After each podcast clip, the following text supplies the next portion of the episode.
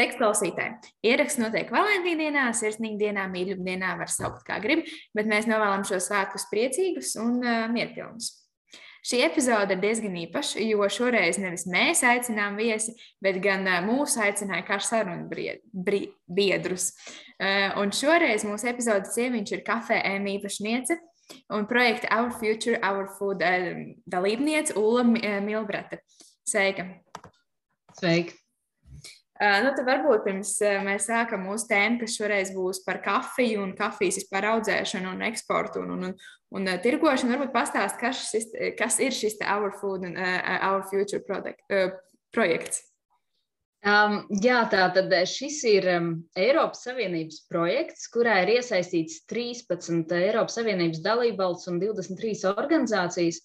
Un uh, mēs stāstām par sociāli taisnīgām un ilgspējīgām pārtiks ķēdēm. Ko tas nozīmē? Tas nozīmē, ka tas, par ko mēs bieži neaizdomājamies, ir kā tiek audzēta pārtika. Un ka no brīža, kad pārtika tiek audzēta, līdz tā nonāk mūsu pārtiks grozos, ir ļoti garš process. Un, diemžēl, ļoti daudzā, daudziem pārtiks produktiem tiek, piemēram, izmantoti pesticīdi, kas nav atļauti Eiropas Savienībai, pārtika ir audzēta ārpus Eiropas Savienības vai pat dažkārt Eiropas Savienības robežās, un tiek pārkāptas cilvēktiesības tādā līmenī, ka to sauc par moderno vergturību, jeb verdzību, un um, tad šī projekta ietvaros mēs mēģinam tā kā jauniešu vidū, tātad jaunieši, kas vecumā no 15 līdz 35 gadiem, uh, viņiem stāstīt par šīm problēmām, lai tad viņi zinātu, kas, kas notiek šajās pārtiks ķēdēs un lai viņi varētu veikt labākas pārtiks produktu izvēles. Um, tas, ko vēl var pateikt, kas ir būtiski saistībā, saistībā ar šo projektu, ka šeit notiek ne tikai runāšana un cilvēku izglītošana, bet uh, 23. februārī ir plānots, ka Eiropas komisija iesniegs e, ļoti īpašu likumu projektu pirmo uzmetumu, kas ir obligātais cilvēktiesību un vides uh, uzticamības pārbaudas likums. Tas izklausās ļoti sarežģīti, bet šis likums ir unikāls ar to, ka pirmo reizi tas liks lielajiem uzņēmumiem, kas iepērk pārtiku, uzņemties atbildību um, par to, ka viņiem ir jānodrošina caurskatāmas pārtiks ķēdes. Tas nozīmē, ka ja viņi iepērkot pārtiku no, piemēram, Brazīlijas, ja šajā pārtiks iegūst procesā tiks pārkāptas cilvēktiesības vai tiks nesaudzēta vide, tad šiem lielajiem uzņēmumiem būs jāuzņemas atbildība par šo. Un tā tad tie var būt vai naudas sodi vai kaut kādas kompensācijas šiem darbiniekiem. Un, uh, Tagad tas tāds pirmais solis uz to, lai uzlabotu tomēr daudz cilvēku dzīvi pasaulē. Un kā vispār, nu, ja mēs pirms mēs pie galvenā temata ķeramies, kā, kā Eiropā ir ar šo, vai tas ir ļoti izteikti šī modernā cilvēku verdzība, vai tas ir tikai šajās viņas māzīs valstīs, no kuras arī mums nāk diezgan lētie produkti? Nu, redz, um, te ir tā interesanti. Es biju domājis, ka tieši tā, ka tās, tās valsts ārpus Eiropas Savienības, kā piemēram Brazīlija, kur ļoti intensīvi audzē lielo gaļu, arī visas šīs Āzijas valstis, bet nē. Un tad man, piemēram, ir jautājums tev, ja tu redzi uz pārtiks produktu rakstītu, piemēram, Made in Italy, ražots Itālijā, kas ir tava pirmā asociācija? Nu, ja tas ir pārtiks produkts, ko tu iedomājies aiz šī uzraksta? Nu, varbūt tieši tāpēc, ka tas ir Eiropas valstī ražots, kad nebūs izmantoti vai nu šī darba spēks ar ārkārtīgi mazu algu, vai arī šis produkts būs veidots kaut kādā, nezinu, kaut vai kvalitatīvākā vai tīrākā vidē, nekā tas, nu, nekā tas ir šajās valstīs, kur atkal lētie produkti nāk. Bet, ja ir šāds jautājums, tas nozīmē, ka tas nav viss tik rožēni. Jā, tieši tā, un man bija, man bija tieši tāda pati doma. Nu, man šķita, ka tas, ka ir ražots Eiropas Savienības valstī, tā ir kā garantijas zīme, ka to ir radījuši Eiropas Savienības laimīgie zemnieki, un viss ir ļoti skaisti. Bet patiesībā nē, jā, tas ir ražots kādā no šīm valstīm, Eiropas Savienības valstīm, bet patiesībā ļoti bieži to pārtiku audzē dažādi migranti. Tie var būt vai nu, piemēram, rumāņi, vai arī bieži cilvēki no Indijas. Un tas, kas ir jāsaprot, ka arī tas, protams, nav visu laiku un visur, bet tiek pieķerts fermas, kur tiek pārkāptas šīs cilvēktiesības, un lai saprastu, ko nozīmē tiek pārkāptas cilvēktiesības, te ir vairāks, vairāk punkti. Uh, viens tas, ka cilvēki tiek nodarbināti nelegāli, vai, piemēram, oficiāli uz papīra viņus nodarbina sezonāli 50 dienas gadā, bet patiesībā viņi strādā kaut kādas 200, 250. Attiecīgi par pārējām dienām viņiem nemaksā. Sievietēm, piemēram, tā kā viņas ir sievietes un, un vēl vispār uh, migrantu strādnieki, viņām maksā stipri mazāk nekā vai nu tiem pašiem migrantu vīriešiem, vai nu Eiropas Savienības um, vai, vai tās valsts, uh, piemēram, sievietēm un vīriešiem. Tātad viņi saņem mazāku atalgojumu.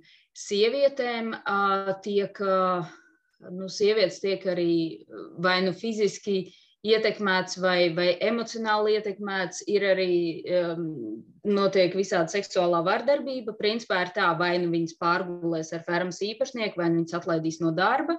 Un bieži tā kā, nu, piemēram, Indijas gadījumā sievietēm ir bail kaut ko teikt vīram, jo viņiem ir šī hierarhija ģimenē, ka vīrietis ir augstāks par sievieti, un tas rada ļoti daudz visādu problēmu. Un, un tāpēc uh, sievietes tiek jo īpaši diskriminētas ne tikai naudas ziņā, bet arī šī vardarbība, kas notiek. Un uh, tālāk arī dzīves apstākļi, kas arī Eiropā ir principā, uh, nu, tie var būt antisanitāri apstākļi. Tas gan vairāk tieši ārpus Eiropas, bet tā cilvēkiem netiek nodrošināts normāls tolets, pieeja dzeramam ūdenim. Cilvēki ne, nevar gulēt normālās mājās, tā kā tā ir tā modernā uh, vergturība, kur arī cilvēkiem tātad nu, piedraud principā ar, ar um, dažādu veidu, vai nu fiziski piedraud, vai nu kaut kā emocionāli piedraud, ka tā, ka viņi nevar šīs fermas pamest. Un arī, piemēram, tiek lietoti visādi pesticīdi. Arī Eiropas Savienībā viņus nelegāli ieved pesticīdi, kas ir ļoti bīstami cilvēku veselībai. Šos, šie strādnieki šos pesticīdus lieto bez jebkādiem aizsargu līdzekļiem. Nu, tad tas rada ļoti smagas sekas gan uz veselību, gan arī, ja tur strādā sievietes, kurām tam ir bērni, nu, tad arī uz bērnu veselību. Tā kā, jā, diemžēl arī Eiropas Savienībā ir šīs problēmas, par kurām runā diezgan maz. Bet vai Eiropas Savienībā, nu, viņas, nu, pieņemsim, tā, kaut vai tā pati samaksa par darbu ir tāda pati kā ārpus Eiropas Savienības, vai tomēr kaut kādi tie dzīves vai vispār darba apstākļi nedaudz augstāki, vai, vai, vai tur nekas vairs neietekmē? Uh, protams, ir augstāk, bet nu, te arī ir jāskatās, kādas ir izmaksas šajā valstī. Jo, piemēram, ja, ja man pasaka, ka piemēram, šādā, piemēram, Itāļu fermā sieviete pelna 3,5 eiro stundā, nu, salīdzinot ar latviešu algu, nu, es teikšu, nu, ir ok. Bet tad ir jautājums, cik maksā visa pārējā dzīve tajā valstī. Attiecīgi, ja tas ir uh, stipri zem, zem iztiks minimuma, nu tad, tad jā, ja, ja, ja tā minimālā alga, kas būtu jāmaksā, ir 9 līdz 12 eiro stundā, bet sieviete saņem 3 eiro, nu tad, jā, tad ir skaidrs, ka ar šādu naudu ir ļoti, ļoti grūti izdzīvot. Tā kā viss ir relatīvs. Tieši tā. Labi, šis ir tāds ievads. Es saprotu, ka galvenajai tēmai, par ko, par ko tu minēji, Un tad, bet arī ļoti, ļoti sasaistās ar tēmu, es pareizi saprotu. Ja? Jā. Nu, tad šodien tā, tas galvenais uzsvers ir uz kafiju, kafijas audzēšanu, kafijas veidošanu, vispār kā tā kafija nonāk līdz mums, un kur ir, tie, kur ir tā atšķirība starp lētu un dārgāku, un kāpēc ir šīs cenu izmaiņas. Iz, izmaiņas. Pareizi saprotu? Jā. Vai Dievs, uh, par kafiju, nu, tā kā es savā laikā atvēru kafejnīcu, ļoti daudz pētījumu lasīju. Um, tas, ko ir jāsaprot um, saistībā ar kafiju, ka izmaksu ziņā, cik, cik cilvēki patērē kafiju, kafija ir viens no populārākiem pārtiks produktiem. Un, attiecīgi, ļoti, ļoti daudz cilvēku dzer kafiju. Un kāpēc mums ir šīs divu veidu kafijas, lētā un tā superdārgā? Ir tāpēc, ka kafija Kafijas cenas iet cauri biržu, un birža nosaka to cenu. Un, attiecīgi, ja biržā kafijas cena par kilogramu nokrītas, tad kaut kur ir jāmeklē, kur samazināt izmaksas. Un nu, tad skaidrs, ka tās izmaksas tiek samazināts tieši šo kafijas vācēju fermas darbinieku daļā. Un tad mums ir tā superdārgā kafija, kuras cena nekad nemainās, ko sauc par specialitātes kafiju. Un jāsāk tātad ar šo starpību. Ir tāda saucamā kafijas piramīda, kur pašā, pašā augšā ir šī specialitātes kafija, ko mēs varam nopirkt arī Latvijā specialitātes kafejnīcās, kas mums ir kalve, roketbīns, zvaigzne. Um, šī kafija nepakļaujas biržas cenām. Uh, Un šai kafijai, kas ir būtiski, ka ir zināms, no kuras fermas tā nāk, kā tā ir bijusi apstrādāta, kā to grauzdēja. Mm, un, un tad ir svarīgs tieši šīs kafijas nots, ko var sajust kafijām. Tātad plus šai kafijai ir, ka tur ir daudz, daudz labākas garšas, uh, Un arī tas, ka ir zināms, no kurienes tas nāk, nu, principā var, var visam izsekot cauri. Jo, ja skatās vispār uz kafiju, no, no kā kafija nonāca līdz tam līmenim, kur mēs esam tagad, ir um, bijuši tā saucamie trīs kafijas viļņi. Pirmais vilnis bija um, pagājušā gadsimta sākumā, kad parādījās šķīstošā kafija. Un tas bija brīdis, kad kafija ienāca mājās. Kafija kļuva pēkšņi par tādu visiem pieejamu produktu, un tā šī, šīs šķīstošā kafija Tur bija svarīga tā kvantitāte, nevis kvalitāte. Nu, tā tad viss sāk dzert mājās šīstošo kafiju, kas ir ļoti, ļoti negaršīga, bet nu, tā tad viss no rīta pamodina vai neļauj aizmigt. Tad 70. Eh, gados sākās otrais kafijas vilnis, kas ir eh, tas brīdis, kad parādījās Starbucks un visas šīs lielās ķēdes, kur svarīgi bija kafija kļuva par sociālu dzērienu. Iziet, iedzert kafiju, tas kļuva par uh, nu, tādu kā standartu, jo pirms tam cilvēki negāja iedzert kafiju. Tātad aiziet iedzert kafiju, tas kļūst par labu ieganstu, satikties. Un tad svarīgāk bija tieši tas, cik labi strādā barista un visi šie skaistie dzērieni, kur mums ir vesels dzērienu lērums un ne, nu izvēlies, ko tu tur gribi. Un tad uh, kaut kādā aptuveni 2001. gadā un pašu 2000. gadu sākumā sākās šis trešais vilnis, kas ir speciālitātes kafija, kur vairāk pats barista nebija svarīgs, bet bija svarīgi tieši visi šie pārējie etapi. Principā kafija kļuva nedaudz tā kā vīns, kur vīnam mēs zinām, ka varbūt tur būtu uh, Mm, dažādas, dažādas tās piegāras un skatoties, kāda mēdienam izvēlas vīnu. Un mm. tas pats bija arī ar kafiju, ka, ja nopērk šo specialitātes kafiju uz iepakojuma, tāda ideālā iepakojuma var redzēt, kādā augstumā kafija audzēt, kādas ir šīs notis, kāds ir grauzdējums, kāds, kāds ir. Visu, visu var uzzināt par šo kafiju un tad arī sajust tās īpašās garšas. Tā kā, tā kā te ir tā starpība, ka tātad, kāpēc šī specialitātes kafija ir tik dārga, tāpēc, ka uh, tā nav pārdedzināta. Jo nu, tā tipiskā rūkta kafija, kas ir jāsaprot, ir, ka kāpēc kafija ir rūkta, tāpēc, ka tā ir sadedzināta kafija. Jo pašā kafijā iekšā, piemēram, ir cukurs, un kas notiek, ja cukuru silda, izveidojas karamela, kas ir salda. Un tad, kad šo karamelu turpina sildīt, karamela sadeg un ir rūkta. Un tad tas, ko dara šīs lielās kompānijas, vai nu kafija, ko mēs varam dabūt veikalos, tā kā tā ir diezgan slikts kvalitātes kafija, tad tos ļoti stipri sadedzina, un cilvēki ir pieraduši pie šīs rūktās, um, dūmakainās kafijas garšas. Un, un tā ir principā nu, tas sadedzināts produkts, bet arī šis te, mm, sadedzinātais produkts neļauj sajust, ka kafijas pupiņas pašas par sevi ir ļoti sliktas kvalitātes. Tā kā, tā kā jā, un šī, šī ir tā starpība, ka vai nu mēs piemaksājam vairāk par uh, labas kvalitātes kafiju, un zinām, ka par tās audzēšanu arī cilvēki ir saņēmuši uh, pienācīgu atalgojumu, vai arī mēs izvēlamies lēto kafiju, kas um, attiecīgi, kur mēs saprotam, ka tiek um, cilvēki arī pakļauti vergu darbam. Lūk, un vai šī, eh, starp šiem te, šīm divām kafijām, kas ir arī šobrīd ir šķīstošā un uh, maltā, uh, vai arī viņiem ir šīs cena atšķirības par ražošanā? Vai, vai saražot šķīstošu kafiju ir lētāk nekā maltu un pēc tam, vai, vai tas īsti vairs šobrīd nav tā?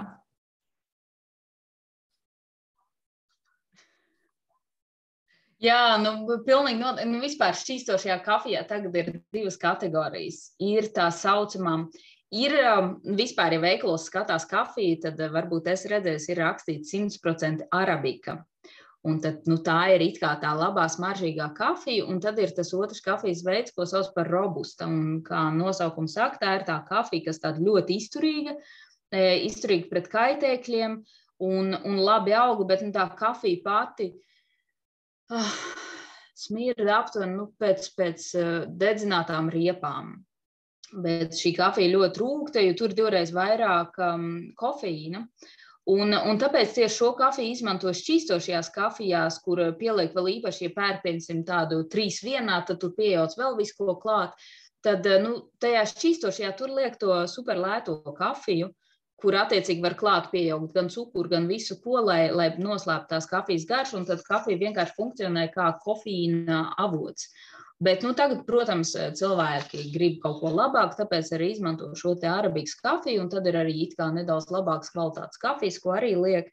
Tā kā nu, ir, ir starpība tirgu, bet nu, visas šīs ošās kafijas, principā, nu, es neieteiktu cilvēkiem pirkt, jo nu, nav zināms, kas tieši tur ir iekšā.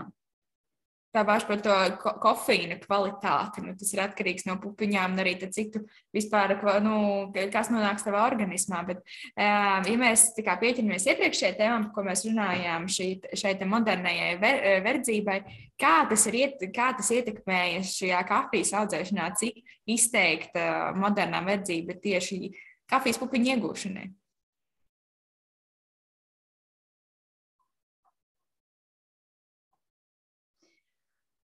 Vai, um, nu, ja, piemēram, ņem informāciju no Brazīlijas, tad uh, te ir tāda divējāda informācija. Pirmkārt, Brazīlija ir vienīgā valsts, kas ir atzinusi, ka ir šāda modernās verdzības problēma. Un viņi jau 20 gadus strādā pie likumdošanas, bet uh, problēma ir, ka tā likumdošana īsti nedarbojas. Un, um, Kafijas industrija varbūt ir tā, kur ir eh, daudz mazāk šo gadījumu ar moderno eh, verdzību, bet daļai tas ir tāpēc, ka vienkārši inspektori netiek uz tām fermām. Jo te arī ir jāskatās, kā kafija tiek audzēta. Nu, ja mēs runājam par lētā gala kafiju, tur bieži tagad, ja, piemēram, kafija tiek audzēta tādās plakanās vietās, tad tur var izmantot kombainus un attiecīgi samazinās cilvēku darbs un samazinās iespējas šeit eh, cilvēku verdzībai. Bet ir arī darbi, kur tik un tā šie cilvēki ir vajadzīgi. Un uh, problēma tad vairāk rodas tieši reģionos, kas ir kalnaināk, kur ar mašīnām uz priekšu netiks. Bet uh, ir skaidrs arī, ka šī modernā verdzība ir nu, principā visās kafijas audzēšanas valstīs. Un, nu, kā, kā jūs minējāt, tur tāda netiek ievērotas pamata cilvēka tiesības, un, un tie darbi ir ļoti, ļoti bīstami.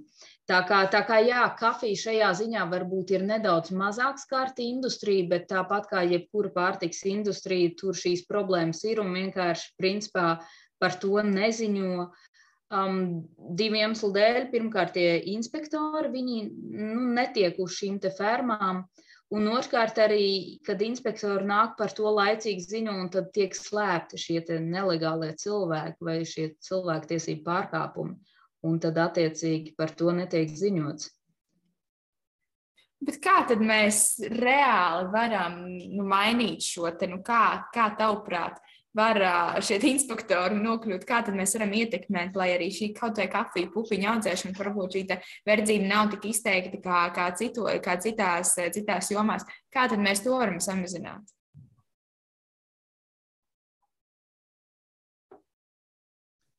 Nu, ir divi vienkārši veidi. Uh, ir jāmīl sevi. Es teikšu tā. Um, jo ir jautājums, ko tu gribi likt savā ķermenī.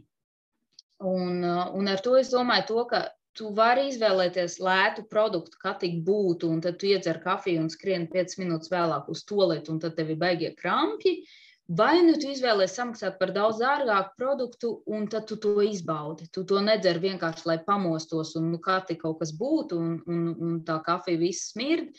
Tu izvēlies um, kaut ko labāku sev, kas ir daudz garšīgāks, kur tu arī izbaudi. Varbūt tad tev nebūs nepieciešams trīs tasītas dienā, tu izdzersi vienu un labāku. Un tad visticamākais, ka šim augstākas kvalitātes produktam uh, būs arī potenciāli kaut kādi certifikāti.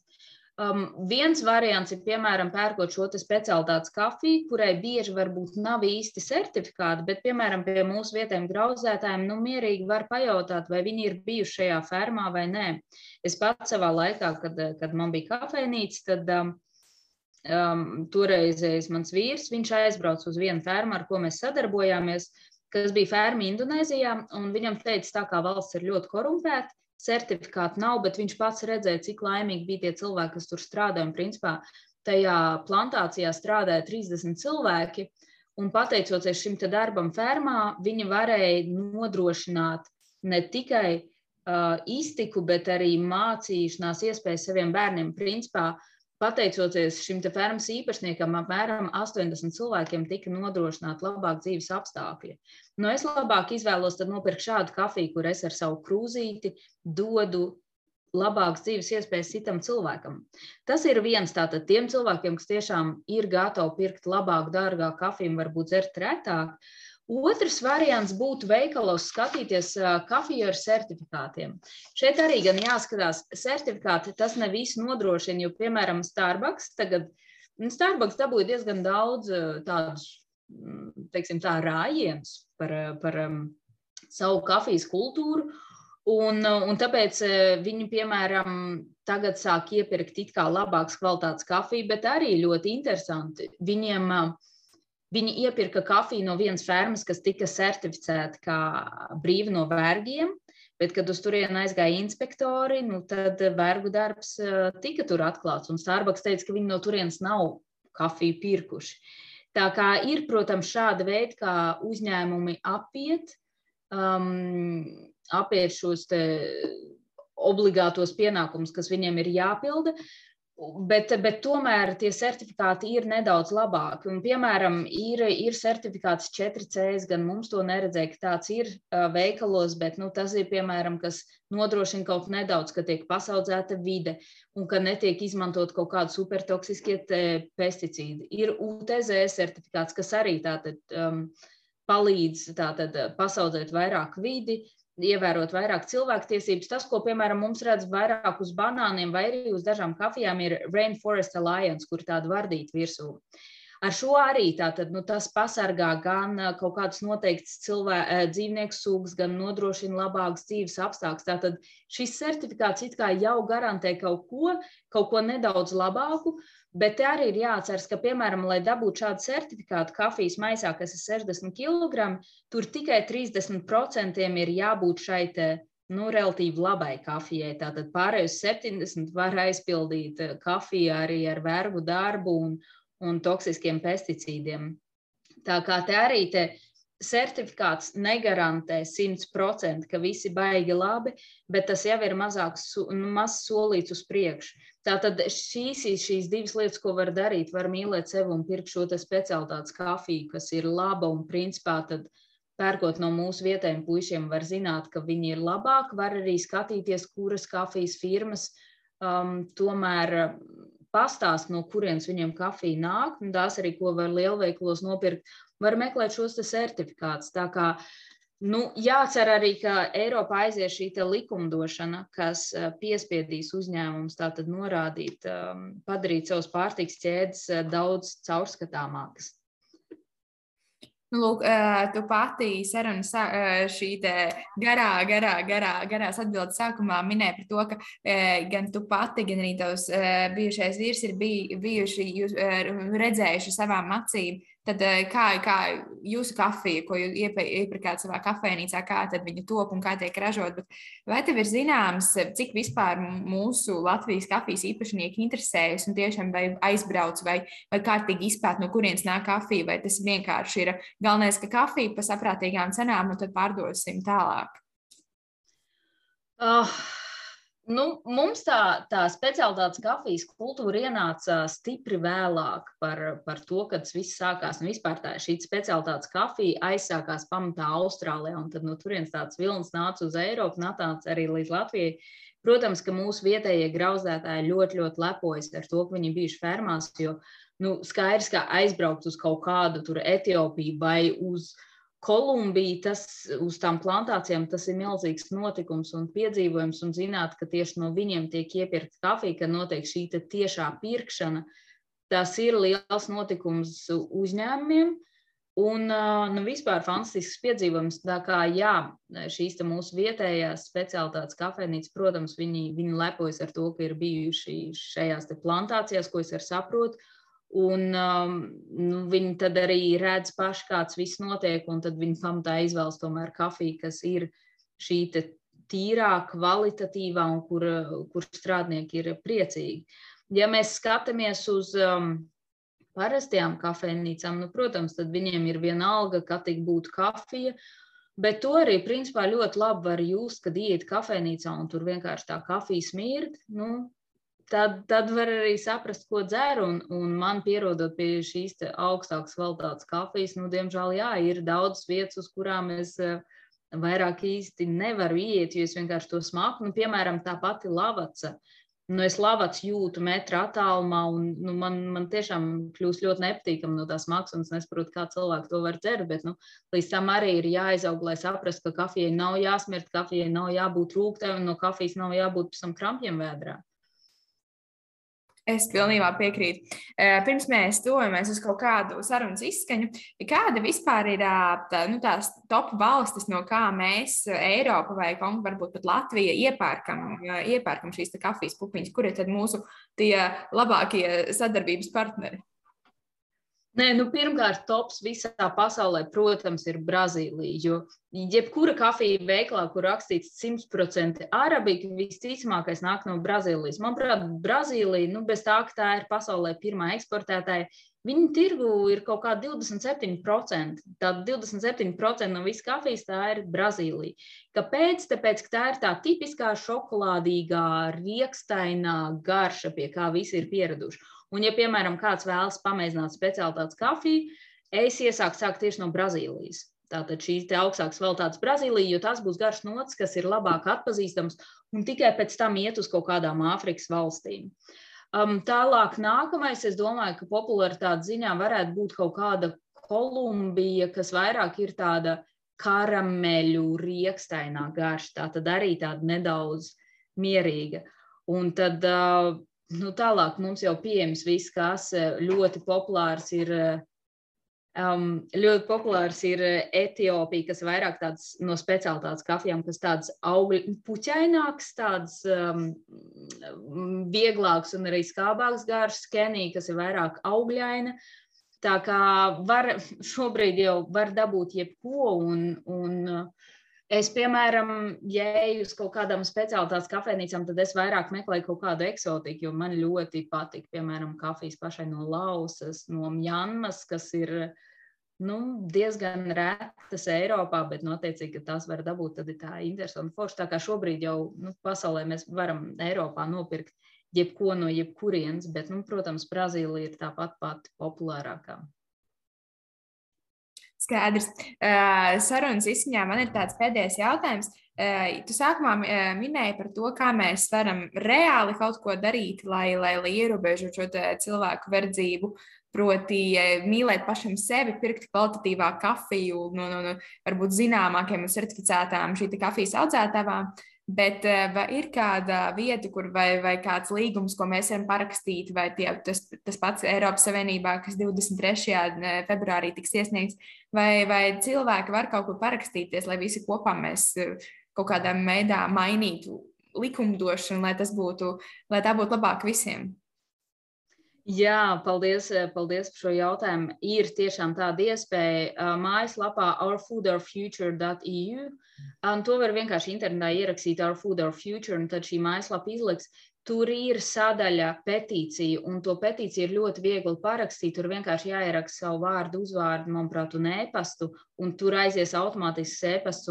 Kā jau minēju, tātad Eiropas komisija iesniegs šo pirmo uzmetumu, bet ir jau skaidrs, ka visticamākais tas nebūs tik stiprs, kā mēs vēlētos. Tāpēc ir ļoti svarīgi, lai cilvēki tomēr parakstītu šo petīciju, lai parādītu, ka mums nav viena alga, par to, kas notiek gan ar mums, gan arī ar šiem cilvēkiem citur pasaulē, un ka mēs vēlamies saņemt arī, nu, principā, gan no pesticīdiem tīru pārtiku, gan arī pārtiku, kur netiek pārkāptas cilvēktiesības. Tā kā droši var iet uz Our Food, Our Future mājaslapu, tur šī petīcija, kur var parakstīt, lai tad Eiropas komisijas pārstāvi, kas gatavo šo līgumu, viņi redzētu, ka tiešām Eiropā cilvēki, īpaši jaunieši, par šo tēmu interesējas un ka mums tas ir svarīgi. Skaidrs, tad es noteikti eh, pievienosim šo mūsu epizodes aprakstā, lai cilvēkiem būtu vieglāk kur atrast. Un uh, es tev teikšu milzīgi paldies par šo sarunu man ļoti, ļoti patika. Bija ļoti interesanti man liekas, ka arī aktuāli, jo kafijas kultūra aizvien aug gan, gan ar dažādiem pieniem un sīrupiem, visu kaut ko tādu, gan arī kla, klasiska kafija, kas joprojām daudziem garšo. Un man liekas, ka šis liks aizdomāties, ko tad mēs īsti dzeram un varbūt tiešām izvēlēties retāk un kvalitatīvāk, nevis, nevis biežāk, bet toties bojājot savu organismu un arī ierobežot kaut kādas cilvēku brīvības. Paldies, tev, milzīgs, un tiek, tiekamies citreiz! thank you